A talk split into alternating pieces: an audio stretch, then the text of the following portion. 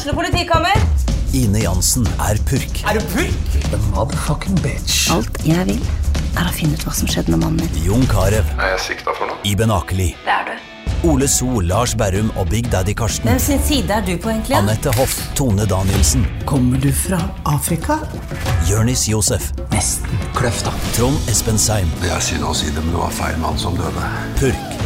Premiere tirsdag på TV2 Play. Hei, og velkommen til en ny episode av Debrif med Dag Sørås. Omsider tilbake igjen. Eh, Denne sommerferien ble jo litt Hele avbrekket fra podkasten ble litt lengre enn eh, planlagt. Jeg så akkurat at forrige episode eh, kom eh, i slutten av juni, og nå er vi jo i gang med, med august, så eh, det var på tide å komme i gang igjen. De av dere som, eh, som eh, støtter meg på Patreon, patreon.com, slash Dag Soras, har fått et par eh, bonusepisoder i løpet av, eh, i løpet av sommeren, men, eh, men uansett, nå er vi tilbake igjen. Eh, og eh, i overskuelig fremtid så tenker jeg at eh, fredagene, torsdagene for de på Patreon, men fredagene er dagen når podkasten kommer ut, og så skal jeg prøve å holde det så, så regelmessig som, som overhodet mulig. Jeg har også planer om å omsider komme i gang med noe, noe intervju igjen, men det handler liksom om eh, tid og overskudd, rett og slett. Eh, men, eh, men jeg håper, håper jeg har gjester lina opp og klar. Eh, det gjelder rett og slett bare å få, eh, få fingeren ut. Utenom det så har det vært digg med ferie. Um, jeg var blant annet i, uh, som vanlig i Nordentur, besøkte mine foreldre, og da prøvde jeg for uh, første gang, ikke overraskende nok at det er første gang, men uh, paddeltennis, paddeltennis, hva enn man nå fuckings kaller det. Det er rett og slett eh, tennis i et bur. Det er som en blanding av squash og tennis. Og squash har jeg prøvd én gang, og eh, jeg blir aldri å glemme det, tror jeg, fordi jeg, jeg husker jeg våkna opp, det var mens jeg var student i Trondheim, jeg våkna opp med noen av de verste fyllenervene jeg hadde i mitt liv. Eh, de var såpass ille at jeg kan føle på dem den dag i dag. Og jeg hadde krangla, eller krangla er kanskje ikke rette ordet, jeg hadde vært eh, verbalt ufin. Eller verba, verbalt Jeg hadde vært urimelig med ei dame jeg var veldig interessert i. Eh, og jeg våkna opp, og jeg hata meg sjøl, så jeg husker at jeg gikk annet, Jeg må jo ha plan, planlagt det her på forhånd, men det var en kompis med meg som heter Asbjørn, han spilte squash med en annen kompis. Og jeg gikk opp til Dragvoll. Fra sentrum så gikk jeg opp til Dragvoll. Og for de av dere som bor i, i Trondheim, så vet dere at det, ja, det er et stykke å gå, og så er det mye oppoverbakker. Og jeg var jo voldelig, voldelig bakfull og kom opp der og skulle prøve squash, og det gikk jo ja, det gikk jo nanosekund før jeg hadde blodsmak i kjeften, og jeg klarte ikke engang å slå. Og det her, jeg skal ikke skylde på bakfylla her, det kan være at det bare er så jævla ræva styrke eller teknikk jeg har i armene, at jeg klarte ikke å slå ballen hardt nok i veggen at den kom tilbake, og det hele var en, en fadese av dimensjoner. Og så hadde jeg jo eh, jeg, glemt, jeg husker jeg hadde glemt å ta med meg noe skifte, så, så når vi var, gikk ut i garderoben etterpå, så husker jeg den andre fyren, ikke Asbjørn, men kompisen hans, han sa Jeg vet ikke hvorfor jeg husker det her så tydelig, eh, men eh, han sier til meg at du skal ikke dusje, så jeg bare nei, faen, jeg har glemt eh, klærne mine. Og da sa han ok, jeg hadde sett frem til å få se kuken din, men her har du i hvert fall min. Og så viste han frem kuken sin. Ikke, ikke på en creepy måte, ikke på en sånn eh, påtrengende Ikke, ikke engang en påtrengende I, I den grad du kan blotte deg foran et annet menneske uten å være påtrengende, så var det det han gjorde. Han eh, på en veldig passiv måte eh, flasha han sin egen eh, heldigvis ikke erigerte penis i trynet mitt. Og jeg var sånn, ok, den er registrert, eh, og da føler jeg at dagen kan, kan fortsette videre. Alt, eh, eh, han visste kuken, for det skal sies, etter den eh, squash, såkalte squash-kampen, så var universet i en, eh, en slags ubalanse. Og det at jeg fikk se kuken hans, gjorde liksom at ting omsider ga mening igjen for å si det sånn. Men poenget med det her var jo rett og slett at jeg var og spilte det padeltennis. Jeg og sønnen min på ett lag mot eh, broren min og eldstedattera hans på det andre laget. Og eh, jeg må si jeg og Sander vi klarte oss greit. Jeg tror ikke brorsan hadde ikke spilt det før, men uh, dattera hans er eh, eh, hadde vært spilt flere ganger, så hun var god. Men jeg må si jeg og Sander vi klarte oss ganske så bra. Men uh, viktigere enn det var at det var jævlig gøy. Det var jævlig gøy, så nå har vi faktisk funnet ut hvor det er sånn padelbane her i, i nærheten av der vi bor. Og um, ja, det der ga virkelig mersmak. Det må jo faen meg være som trening som faktisk er gøy. Jeg mener, selv når joggeturene er givende og, og liksom stressreduserende, jeg vet, de, jeg vet ikke om det noen gang er gøy å jogge. Det vil være å ta jævlig hardt i. Altså, Den podkasten jeg skal høre på på den joggeturen, skal være eksepsjonelt fantastisk for at det skal være gøy å jogge. Men det pedalgreien var eh, Ja, det ga mersmak. Og jeg tror den var ganske ny, den, eh, den hallen i, i, Narvik, men det er, en, ja, det er vel en sport som har eksistert en stund. Eh, jeg følger jo ikke med på sånt. Men uh, man, må kanskje, man, må kanskje, kjøpe seg en sånn uh, racket. Um, jeg vet da faen, det, det bare føltes Det er klart, hvis du spiller mot noen som er virkelig flink, så blir det sikkert uh, jævlig tungt. Men eh, sånn som det var der, så hvor vi, de fleste av oss var på samme nivå, så var det liksom bare sånn Ja, hva skal skal kalle det? Det var akkurat passelig. Jeg hadde i, jeg fortsatt faktisk vondt i høyrearmen. og det merker jeg. Jeg kan slå. Kanskje det gjelder absolutt alle. Men med fotball, så til tross for at jeg er venstrehendt, så, så skyter jeg med høyrefoten. Jeg var høyrefot på fotballbanen eh, og skyter ganske ræva med venstrefoten. Men akkurat den slåinga, det er nesten hipp som haps hvordan Nei, jeg foretrekker høyrearmen, men jeg slår ganske greit med venstrearmen også. Uh, slår ganske greit de gangene jeg treffer ballen, for det var mange ganske knotete Jeg tror det, det, det, er vel sikkert en, enda en av fordelene med å bli middelaldrende. Så at det er sånn, Hvem faen bryr seg om jeg ikke treffer den jævla ballen? Jeg er faktisk 44. Det er min unnskyldning for alt. Jeg er 44. Hva du, hva du forventer for noe, egentlig? Uh, hadde også med meg, Jeg har bestandig så jævla store planer når jeg drar nordover på ferie, hvor jeg liksom tror at oh, nå skal jeg få så mye ro og sitte og lese, og tenker ikke over at nei, det det er unger rundt omkring. Vi har fuckings uh, Rick tar jo oppmerksomhet. Han er jo, uh, han er jo en baby. Eller vet faen hva han er nå. De hundene de vokser så fort for tida. De, de blir jo voksne så altfor fort. Men han er jo fortsatt liten. Han er vel uh, Hva faen kan han være? Tolv uker eller noe sånt. Og det er jo på ingen måte all verden. Så han er jo relativt oppmerksomhet, oppmerksomhetssjuk. Så det var Sander som først dro opp. Fruen dro til, til Bodø for å hilse på søstera si. Så hun, fruen tok Morty, og så dro jeg og Sander opp med, med, Rick. Og jeg var spent på hvordan det her skulle foregå på flyet, for jeg var livredd for at Rick skulle begynne å lage et helvetes liv, og så blir jeg nødt til å liksom, ja, bare, bare rett og slett uh, ta livet av han. Avlive han på flyet. Ta han inn på, uh, på flydassen og, og, og drukne han i toalettet. Det var det jeg var Altså, hvis vi virkelig skal gå martial law Marshall martial, law. Faen heter den loven hvor alt går galt? Helvete, det står helt stille. Murphys law, for faen.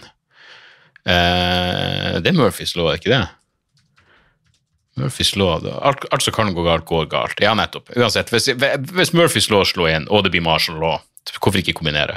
Så måtte jeg ta livet av, av Rick på flyet. Det var, det, det var liksom ytterpunktet av det, hvor ille det kunne bli.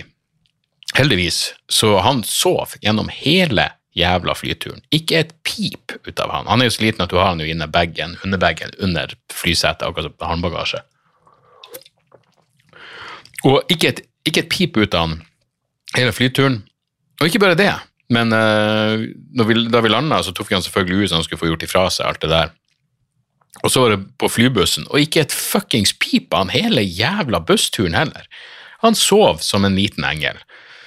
Uh, som en liten, som en liten uh, svart engel med uh, søte, små, jævlig intense øyne. Han er en fuckings artig kar. Jeg mener, Ricky er første bikkja jeg hadde hvor det bare er sånn, hver gang han ser på meg, så får jeg lyst til å flire, for han ser bare så jævla kis ut. Og, jeg mener, Hvis dere vil vite hva jeg, hva jeg mener, gå inn på min Instagram. For der la jeg ut et uh, legger jeg ikke ut så jævla mye bilder på Instagram lenger. Ja, men bilde nummer to der er et bilde av Morty og Rick, og når du ser på, ser på det trynet til Rick og la være å flire Jeg våger deg. Du klarer ikke. Du, du vil flire straks du ser på fuckings det dumme, jævla nydelige trynet til uh, lille Ricky, eh, Ricky Boy. Så uansett, det gikk jo akkurat sånn som det skulle gjøre, og så var det trivelige dager i, i nord. og og få hilse på morsan og farsan og brorsan og familien hans. Og, og alt det der. der. Eh, det er jo sånn obligatorisk at jeg og brorsan sitter en natt og drikker og mimrer, og det gjorde vi. Og det er altså Altså Når du sitter på, på, hytta på Virak og begynner når, når, og du ser klokka er sånn fem, og det er altså sånn helvete sol ute uh, For det var liksom den, det var den ene et par, et par, dager med skikkelig fint vær, men akkurat den kvelden der var det så jævlig. Jeg, på, jeg tror det var natt til lørdag. Og lørdagsmorgenen der klokka fem, da er det sånn fuck, vi har et valg å ta, vi må gå og legge oss nå hvis ikke, hvis ikke sitter vi her når de andre står opp. Hvis ikke sitter vi her og bøtter ned på GT. Eh, og Fordelen med GT er jo ikke bare at det er jævlig godt og får deg i, godt humør, men eh, at det er ganske så eh, Du blir ikke så jævlig bakfull av bare GT, fordi det, du får i deg såpass mye væske. Så, så, det er jo noe. Om noe, så er jo det noe. Det er faen meg hvitvinfylle der, hvitvinbakfylle der som var adskillig mer brutal enn GT-en. Enn ettervirkningen av GT. Så, så sånn var nå nå en gang det. Jeg hadde, jeg hadde en sånn eh, rar opplevelse med, med, en taxisjåfør rett før vi dro nordover, hvor jeg, eh, det var, det var fin, fint vær, og så, så, kjører vi, han kjører her i nabolaget på, på vei hvor jeg skulle, og så går det ei, eh, ei ung dame i, med miniskjørt, så veldig bra ut. Hun går langs fortauskanten. Så jeg husker jeg tenkte sånn, før han, han fyren sa han, og så, så registrerte jeg at vi, vi ser begge på der. Uh, og jeg tror ikke at taxisjåføren la merke til det, for jeg er ganske diskré på sånne ting. Men taxisjåføren, som da var en mann fra For jeg snakka litt med ham, så jeg slipper å gjette. Opprinnelig fra, fra Pakistan. Uh, Nå var han i 60-årene, og han kjørte meg Jo, det var han skulle spille inn det Alle mot alle, det TV-greien. Jeg var på vei til det, for han kjørte meg to dager på rad. Første dagen var han altså så jævla pratsom, og dagen etterpå sa han ingenting. Da tenkte jeg sånn, Har jeg fornærma han? Var jeg for lite delaktig i samtalen? Men det var dag én, og han var i stor humør. Og når vi hadde kjørt forbi dama, så sier han bare 'vi må jo kikke', vi må jo kikke'. Eh, søte, søte små damer, må kikke. Og jeg bare 'hei, man må'. Man må, mann. Vi må fuckings kikke. Så sa han 'men bare se og ikke røre'. Med en sånn alvorlig undertone. Og jeg bare 'fuck, jeg har ikke tenkt å røre'. Jeg, jeg ser knapt. Jeg kikker. Jeg bare kikker. Jeg ser ikke. Uh, og absolutt ikke røre. Herregud, det skulle tatt seg ut. Men uh, Men ja. Han fikk meg det frem dit jeg skulle. Det var jo for så vidt det viktigste. Kanskje det var når jeg tenker meg om at han prata sin i helvete mye, og jeg ga lite tilbake. Men det forklarer jo fortsatt ikke at han var så jævla stille dagen etterpå. Jeg tror det må ha skjedd noe. Det er det som er, man vet faen meg aldri. Du vet aldri hva som er Igjen, det er sånne ting som bare kommer med Det er ikke engang livserfaring, det er bare at man tenker seg litt om. Man vet aldri hvordan jævla For jeg har vært i så dårlig humør uh, det siste året mange ganger at jeg har tenkt sånn hvis noen, hvis et eller annet skjer feil, hvis noen dulter borti meg, så slår jeg dem ned. Jeg er ikke noe voldelig fyr, men jeg er bare så jævla anspent. Kanskje du treffer på noen som, som er så anspent, og så tenker du faen for en fuckings dildo, og så nei, kanskje det bare var en Kanskje bare var en jævlig dårlig dag, ikke sant? Nancy Pelosi de voterer Kina med sitt besøk i Taiwan. Jeg syns det, det, er bra. Liksom, Vi begynner å bli lei Ukraina-krigen. Det er fint å, det, det her er det perfekte tidspunktet for å øke spenninga og utsiktene for en ny storkonflikt, eh, skråstrek potensiell verdenskrig. Og det her sier jeg ikke til noe fuckings forsvar for Xi Jinping og hans jævla kapitalistiske kommunistparti. Um, det er bare av og til så er det sånn kan vi, bare, kan vi bare ikke bidra til å øke konflikten? Og kan vi bare Kan man bare roe han litt? Fan, jeg hadde sånn eh, På Patrion-episoden som kom tidligere denne uka, så prata jeg om denne videoen som jeg ikke har sett, eller ikke hadde sett, av eh, russiske soldater som kastrerer en ukrainsk krigsfange før de skyter han. Fuckings grusomt faenskap. Og jeg, jeg, jeg, klarer ikke lenger å se på den type ting. Og så satt jeg i går i en tilstand uh, og gikk gjennom Twitter, og så er det en sånn så kanskje noen av dere følger henne, og så kan dere bekrefte eller avkrefte, men det, det er sikkert flere av dem. Men, men det er uh, det, det, Jeg føler en sånn uh, ukrainsk soldat. Og det som er noveltyen her, er jo at hun er ung og pen i tillegg. Bare, bare kikke, ikke se, og i hvert fall ikke røre. Nei, Hun er en veldig pen ung dame, Men eh, liksom i, i uniform på, på profilbildet og legger ut masse videoer fra krigen og av seg sjøl med andre soldater. Så hun er fucking soldat, hun er en helt motstands, motstandskvinne i krigen i Ukraina. Så hun la ut en video som bare var Så jeg klikker inn på den, og så innser jeg fuck, jeg tror det her er den kastreringsvideoen, og så stopper jeg bare. Så jeg vet ikke, hvis noen av dere har sett den, kanskje dere kan bekrefte for meg, eller avkrefte. Er den filma med et håndholdt kamera, eller er det bare et kamera som er satt opp? Eh, for den videoen jeg begynte å se på og fort, fort angra på, eh, var kamera liksom satt opp. Så nesten ut som det kunne vært et overvåkningskamera. Men jeg vet at det er noen nærbilder i den kastreringsvideoen, så kanskje det ikke var det jeg så, men ah, Jesus, det er altså så inn i helvete. Så inn i helvete, fucked up, eh, for en verden man lever i. Skjære av kuken en kniv. Noen som også ble drept med kniv, var jo han en Al-Qaida Al Al Qaida. Det er så lenge siden man har sagt Al-Qaida, Al-Qaida for faen. Uh, Al-Qaida al Og det er også etter de navnene som bare staves på så mange forskjellige måter. Men jeg, jeg har bestandig stavet det i den grad jeg skriver Al-Qaida. Det er ikke så ofte jeg skriver det, men uh, AL-QAEDA. Det er måten jeg staver det på. Og det er fordi det kom ut ei bok Jeg husker det kom en, en biografi om Al Qaida, eh, som er sånn standardverk. Han er en jævlig bra Jason Burke, heter han. Jason Burke. Jeg er rimelig sikker på at han Eller hadde, hadde faen, Kanskje Jason Burke hadde en eh, Skal jeg gå inn på Amazon? Jeg tror kanskje han hadde en i. Al-Q-A-I-D-A. Jason Burke. Skal vi se her. Nei, Al Qaida. Akkurat sånn. Fuckings jepp, husker rett. Av og til. Av og til funker gjerne. Al Qaida. A-L-Q-A-E-D-A. The True Story of Radical Islam. Den kom faen meg i 2004, men det kan anbefales. Uh, ja, så hva var poenget mitt? Jo, denne jævla dronen. Du glemte jeg å skrive ned hva han heter, men sånn som jeg forsto det, så ble Al-Sawahiri han ble drept uh, Han har virkelig Jeg så Thomas Hegghammer la ut på, på, Twitter, jeg vet ikke om han fikk noen interessante svar, men liksom Han har vært eller Jeg husker ikke at han spurte om, men Thomas Hegghammer, terrorforskeren, skrev noe sånn som at uh, Al-Sawahiri har faen meg vært off the grid i 20 år. Er noe som, har man hatt en anelse om hvor han var? Uh, men så tok jo Taliban over Afghanistan igjen, og så sendte han vel først kona og barnebarnet eller noe sånt til Kabul og bare Jeg vet da faen hvorfor. Bare for å si se om dere oppdager noe ubekvemt. Er det noen som driver og følger etter dere? Og Så følte han vel at det var trygt, og så var det åpenbart ikke det. Ble tatt ut med ei drone.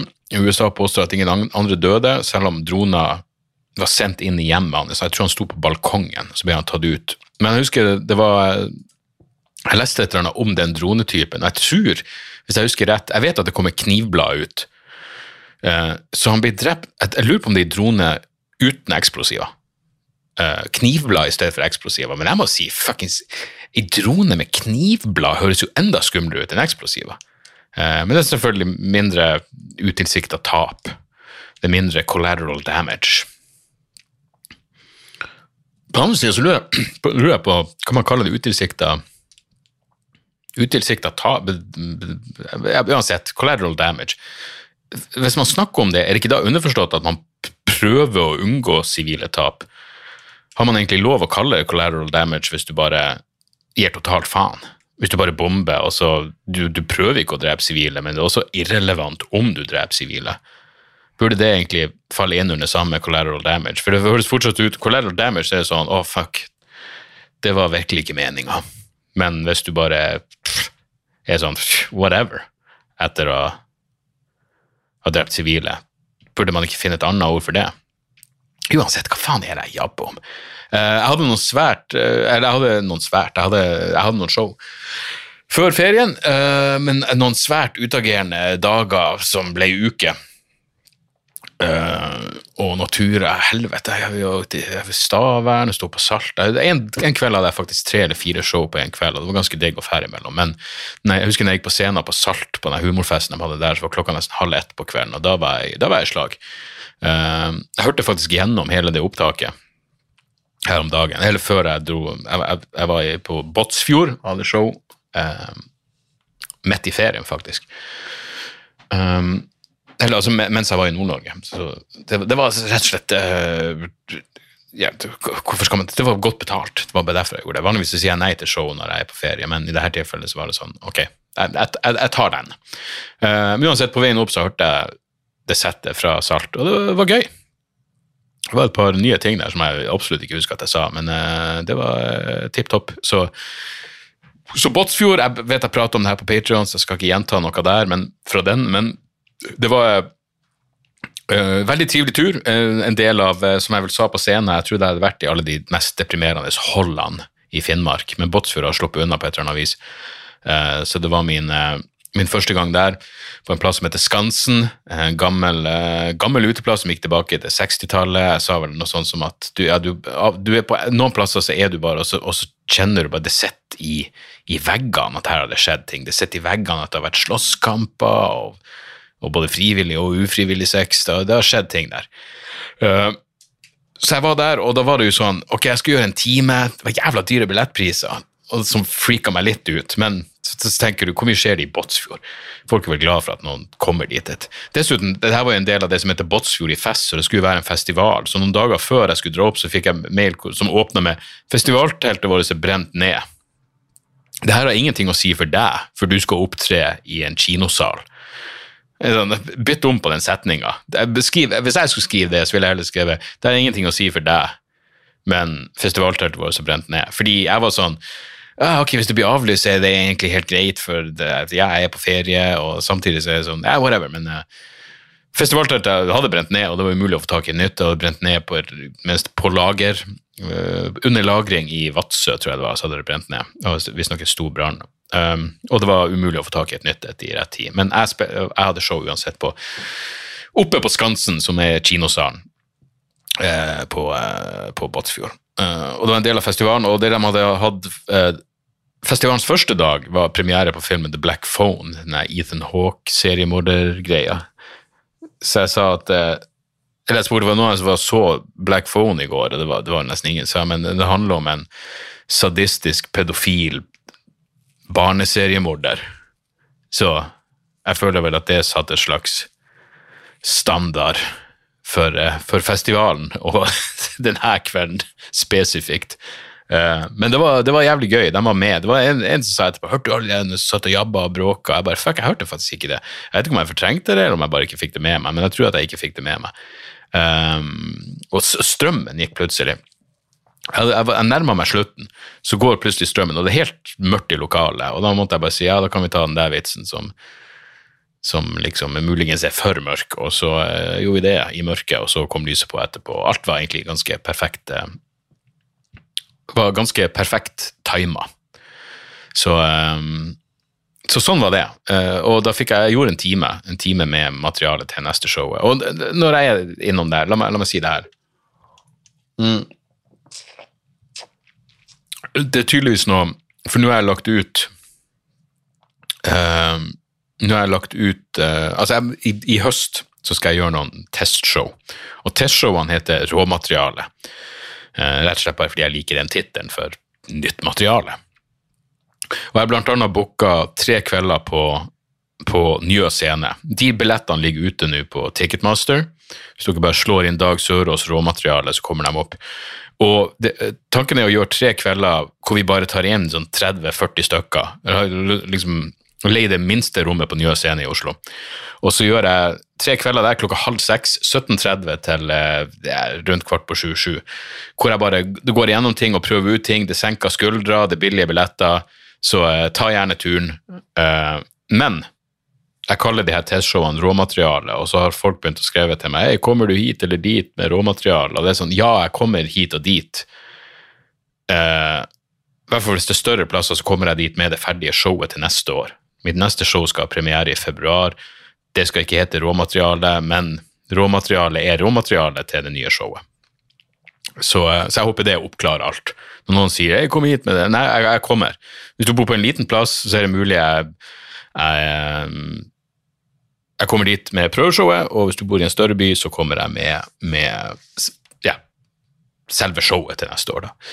Eh, Men nå er jeg bare i fuck rundt-fasen og prøver å få strukturert ting og prøver å få ting morsomt, prøver å få ting morsomt og, eh, og alt eh, det der. Det der. Jeg har skrevet ned et eller annet hvor det står video via Twitter, men jeg, jeg vet da faen hva det, hva det betyr for noe. Så uansett, jeg håper det oppklarer. Høstens planer er prøveshow, og så blir det turné til neste år. Um, altså, jeg leste, så jeg leste i Aftenposten i dag, så sto det noen skal ha syv De driver og setter noe sånn uh, Guinness-rekord. Syv dager med improteater. Syv dager. Det første jeg tenkte var, er det her en hyllest til Dante sine syv sirkler av helvete? For helvete, det høres ut som et helvete. Men uh, lykke til til dem. Uh, syv dager impro. Helvete heller. Det er mye nødrim og uh, Nå skal jo sies, jeg har bare sett impro én gang, så hva skal jeg Og der koser meg, så, så det er mulig jeg bare det, Men enkelte fordommer kan man bare aldri gi slipp på. Det er bare, det er bare sånn det er. Jeg så også noen, det er ganske, Når du ser noen på, på et kjøpesenter når det er faen meg 27 grader ute, som har på seg munnbind og caps og en, en boblejakke en lang boblejakke, da er det lov å bli skeptisk, er ikke det? Jeg konkluderte da med at det må være en fuckings Først jeg tenkte var blotter. Blotter, garantert blotter. Blotter som prøver å holde seg varm. I pluss 27. Mm. Men vi må nesten prate litt om eh, Altså, det her jeg må, jeg må bare ha et, ikke et minutt stillhet, men et sekund stillhet for Glenn Greenwald. RIP. Rest in peace til Glenn Greenwald. Tidligere journalist. Mest kjent for sitt bidrag til Snowden-avsløringen om eh, National Security Agency og sin masseovervåkning av amerikanere og folk generelt over hele verden. Virkelig vært en, en, en, en fantastisk journalist. Jobba med overvåkning, ytringsfrihet, Eh, han har dekt, skrevet bra om terrorkrigen mot terror. Men nå har han tilta totalt. Han har begynt å gjøre PR for Alex Jones. Altså, det han gjorde, var Han hosta, han leda en sånn Q&A, question and answer session, med Alex Jones etter visninga av dokumentaren Alex War, som jeg akkurat har sett og som er fuckings grusom. Det er en puffpiece eh, som prøver å få Alex Jones til å fremstå som bra. Det er ikke noe Det er en dokumentar, absolutt. Men det er ikke noe dokumentar som prøver å vise hvem Alex Jones er. Den viser Alex Jones sånn som Alex Jones vil bli visst. Så når Glenn Greenwald da er med på det her Etter visninga av filmen så skal han lede en spørsmålsrunde med Alex Jones. Og da er det jo allerede åpenbart at det her kommer ikke til å bli et konfronterende intervju. Han kommer ikke til å stille noe harde, dyptpløyende spørsmål. Og det gjør han virkelig heller ikke, for det her er i PR-setting. Det her er prom promotering for en dokumentar. Så Glenn Greenwald som tidligere har jobba med Edward Snowden, driver nå med PR for en konspirasjonsfanatiker, en løgner, en rasistisk kristenfundamentalist, en sjarlatan og en svindler. En ærekrenker av de etterlatte etter skolemassakren på Sandy Hook. Glenn Greenwald han driver og flørter med Alex Jones. Dere kan se den ligger på YouTube, hele spørsmålsrunden. Han flørter med Alex Jones. 'Å, oh, du var så vakker før.' Han flørter, han smigrer, han tilrettelegger. Det er helt utrolig.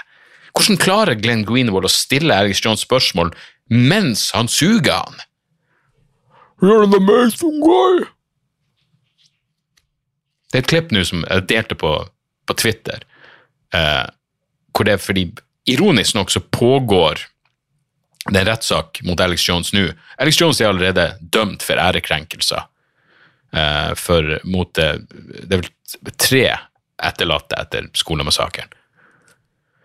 Um, men det, det, er et klipp, og du kan se livestream av Jeg har sett altfor mye av det. Hvis dere er interessert i det her, hvis dere er interessert i Alex Jones og alt det faenskapet han har gjort, hør på podkasten Knowledge Fight. Det finnes ikke noe bedre å høre på når det kommer til akkurat det her. og Særlig han ene i Knowledge Fight, han som ikke hele tida flirer. Han som faktisk vet hva han snakker om. Han, eh, han har vitna i en tidligere rettssak mot Alex Jones, og ingen vet mer om fuckings Alex Jones enn han her fyren i Knowledge Fight, og det inkluderer Alex Jones sjøl. Um,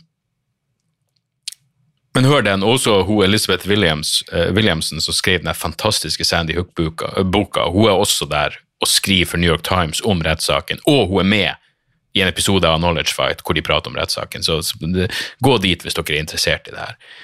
Men uansett, det er et klipp som jeg delte på Twitter, hvor jeg bare tagga uh, Jeg skrev Ser du på det her, folkens? Glenn Greenwald, uh, Joe Rogan, Matt Taibbi, Tim Dillon, Edward Andrew Schultz Alle de her folkene. Ser dere det her? For det dommeren sier, er bare så nydelig, og sier til Alex Jones basically hold kjeft. Ting er ikke sant bare fordi du sier de er sann. Sannhet fungerer ikke sånn at du bare kan si at du tror det er sant, og da er det sånn. Og jeg har sagt flere ganger, det her er ikke, det her er ikke fuckings Alex Jones show, det det her er ikke showet ditt. Svar på spørsmålet. Um, det er altså så jævlig åh, Det er så kleint. Og nei, dokumentaren Alex's, Alex War, det er en puffpiece for et fuckings monster. Det er reklame for en demon. Alex Moyer heter journalisten. Og så er Matt Taibi, for faen. Matt Taibi, er arvtakeren til Hunter S. Thompson i Rolling Stone, han har også klikka. Lovpris denne dokumen- dokumentaren.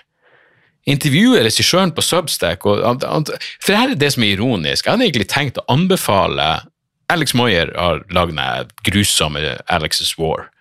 Men han har også lagd en dokumentar Eller hun, hun har også lagd det, for hun er med på den Q&A-en med Glenn Greenwald og sitter bare i midten og ser flau ut og sier ingenting og blir ikke spurt om noe. Men hun lagde en dokumentar som heter TWF No GF, altså eh, om incels. Det står for that, altså TFW er That Feeling When, og No GF and No Girlfriend. Den handler om inceler, og jeg likte den dokumentaren. Jeg så den for noen måneder siden. Det at jeg likte den, gjør at jeg egentlig må revurdere alt, for jeg vet at hun var på Infowars. I ettertid har jeg funnet ut at hun var på Infowars for å prate om den dokumentaren, men, men jeg syns det var et bra Ja, jeg hadde ingen problem med den.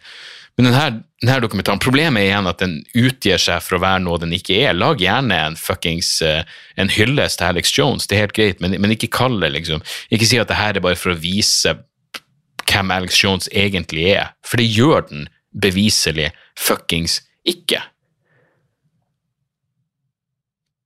Hun, hun sier til, og Alex Moyer sier til Matt Taibbi at det, her er, det jeg gjør, pleide, pleide man å kalle journalistikk. Selv fuckings Goebbels ville kalt det her vulgær propaganda, bitch. Det er på ingen måte journalistikk. Og hva skjedde med fuckings Matt Taibbi? Hva skjedde med Glenn Greenwald? Jeg mener, det, det, Nå driver han og insinuerer på Twitter Greenwald driver og insinuerer at Alex Jones er en jævla helt og en alliert i kampen for friere samfunn. Det, for fire år siden det var noe som den eh, Majority Report-podden trakk frem. For fire år siden så, så, så kalte Glenn Greenwald Alex Jones for en galning, med rette.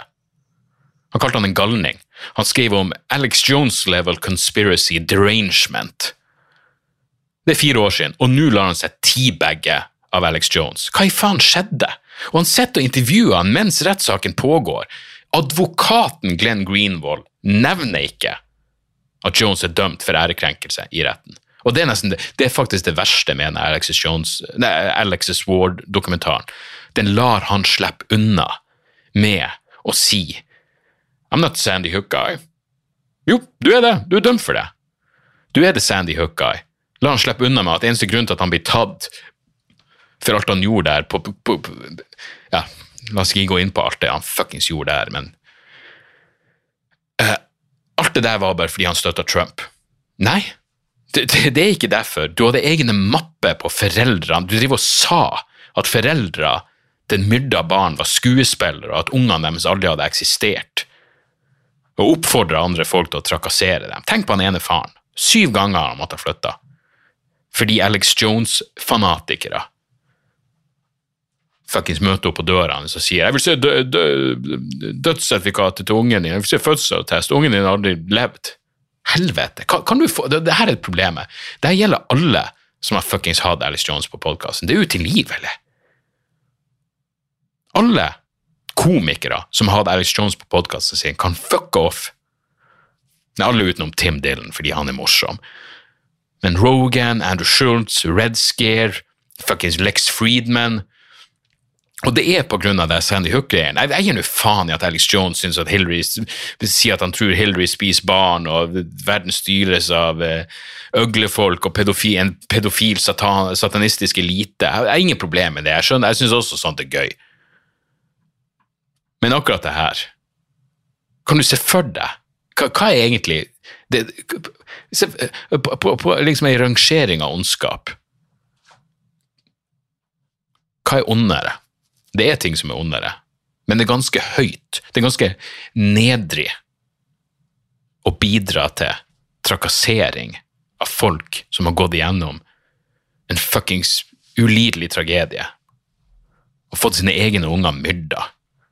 Så bidrar du til å gjøre livet deres enda verre enn det allerede var.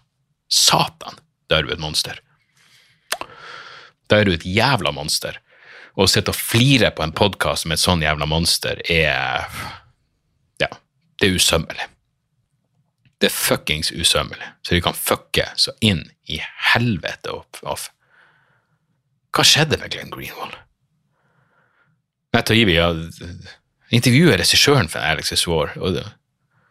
Matt Taibbi har kritisert de som kritiserte Glenn Greenwald for denne jævla praten med Alex Jones. Han kommer vel til å skrive noe vræl på Substack etter hvert. Sånne ting gjør meg oppriktig lei meg. Jeg har, liksom sett opp til arbeidet til Greenwall og Taibi og sett på dem som menn med integritet. Det her er bare trist. Jeg vet ikke hvorfor de har tilta sånn her. Ideologi, er det penger, eller er det en svulst? Jeg vet da faen, er det en hjernesvulst? Jeg vet ikke hva det er, men trist er det uansett. Trist er det faen meg uansett. Alle Gud, det er dårer. Tenk på jeg, mener, jeg elsker at Jordan Peterson nå er en del av The Daily Wire, som er Ben Shapiro sitt uh, altså den, Gud, jeg skal ikke begynne å etterligne Ben Shapiro, men fuckings Fuckings sionistisk fundamentalist. Homofob. Humørløs. Ugh. At Jordan Peterson nå er på hans nettverk, The Daily Wire John Peterson lagde en video hvor han, han sier at Putin invaderte Ukraina for å få slutt på Vestens wokifisering av Ukraina. Det er flere som påpekte det. Her. Det er bare gøy når Altså Holomodor er et vanskelig ord. Men det heter ikke Holomodor. Altså, Holomodor er kanskje lettere å si enn holodomor. Men det heter holodomor. Så når Jordan Peterson på et tidspunkt sier Do you even know what holomodor is? Det er gøy fordi det heter holodomor. Men han kunne jo bare sagt den store terroren. Fucking Stalin sin terror. Men han må være kvasiintellektuell. Så han sier holomodor i stedet for holodomor. Og det er fuckings gøy. Fordi Jordan Peterson er en uvitende dåre. Jeg så forresten i, i avisa at eh, Josef Stalin ble arrestert noen dager siden, i Colombia. Fagforeningsleder Josef Stalin. Lå litt i kortene at han skulle bli tatt for en eller annen ulovlighet. Men, eh, men, Peterson, ja. Denne videoen han lagde om eh, Elliot Page eh, Skuespilleren fra Juno, blant annet. Jeg har en vits om det her, så jeg skal ikke gå på den, men han, han sier det. Det er veldig komplisert veldig komplisert. Kirurgen som fjerna brystene hans, er kriminell. Kriminell. Det er ikke ulovlig, kriminelt. Herregud, det er altså For noen, for noen fuckings dårer det er der ute, det er alt jeg sier. Det, det, det, ha, aldri ha forbilder, og være skeptisk til å engang se opp til. Hvis du får noen som et Ikke ha helter. Ikke ha fuckings helter, og vær forsiktig med forbilder også. Og alt bør dobbeltsjekkes om du blir for overbevist om at denne personen aldri sier noe som er galt. Men, men, og det går for liksom Jeg har ingen igjen. Så, I i sommer så leste jeg en veldig den er, mange, den er, fra 2007, men det er Mark Moynihan, som, som er en, journalist for Vice, som også er, er med i en av mine favorittpodkaster, uh, The Fifth Column. Han linka til en uh, kritikk han skrev om Chomsky på svensk i 2007, og den var veldig bra og fikk meg til å tenke litt på en del om de ting. Kanskje jeg, kanskje jeg har tatt Chomsky på sitt ord når han har sagt at han ikke trivialiserte Pol Pot sitt uh, fuckings folkemord, og uh, også hadde noe eh, potensielt problematiske uttalelser om eh, om eh,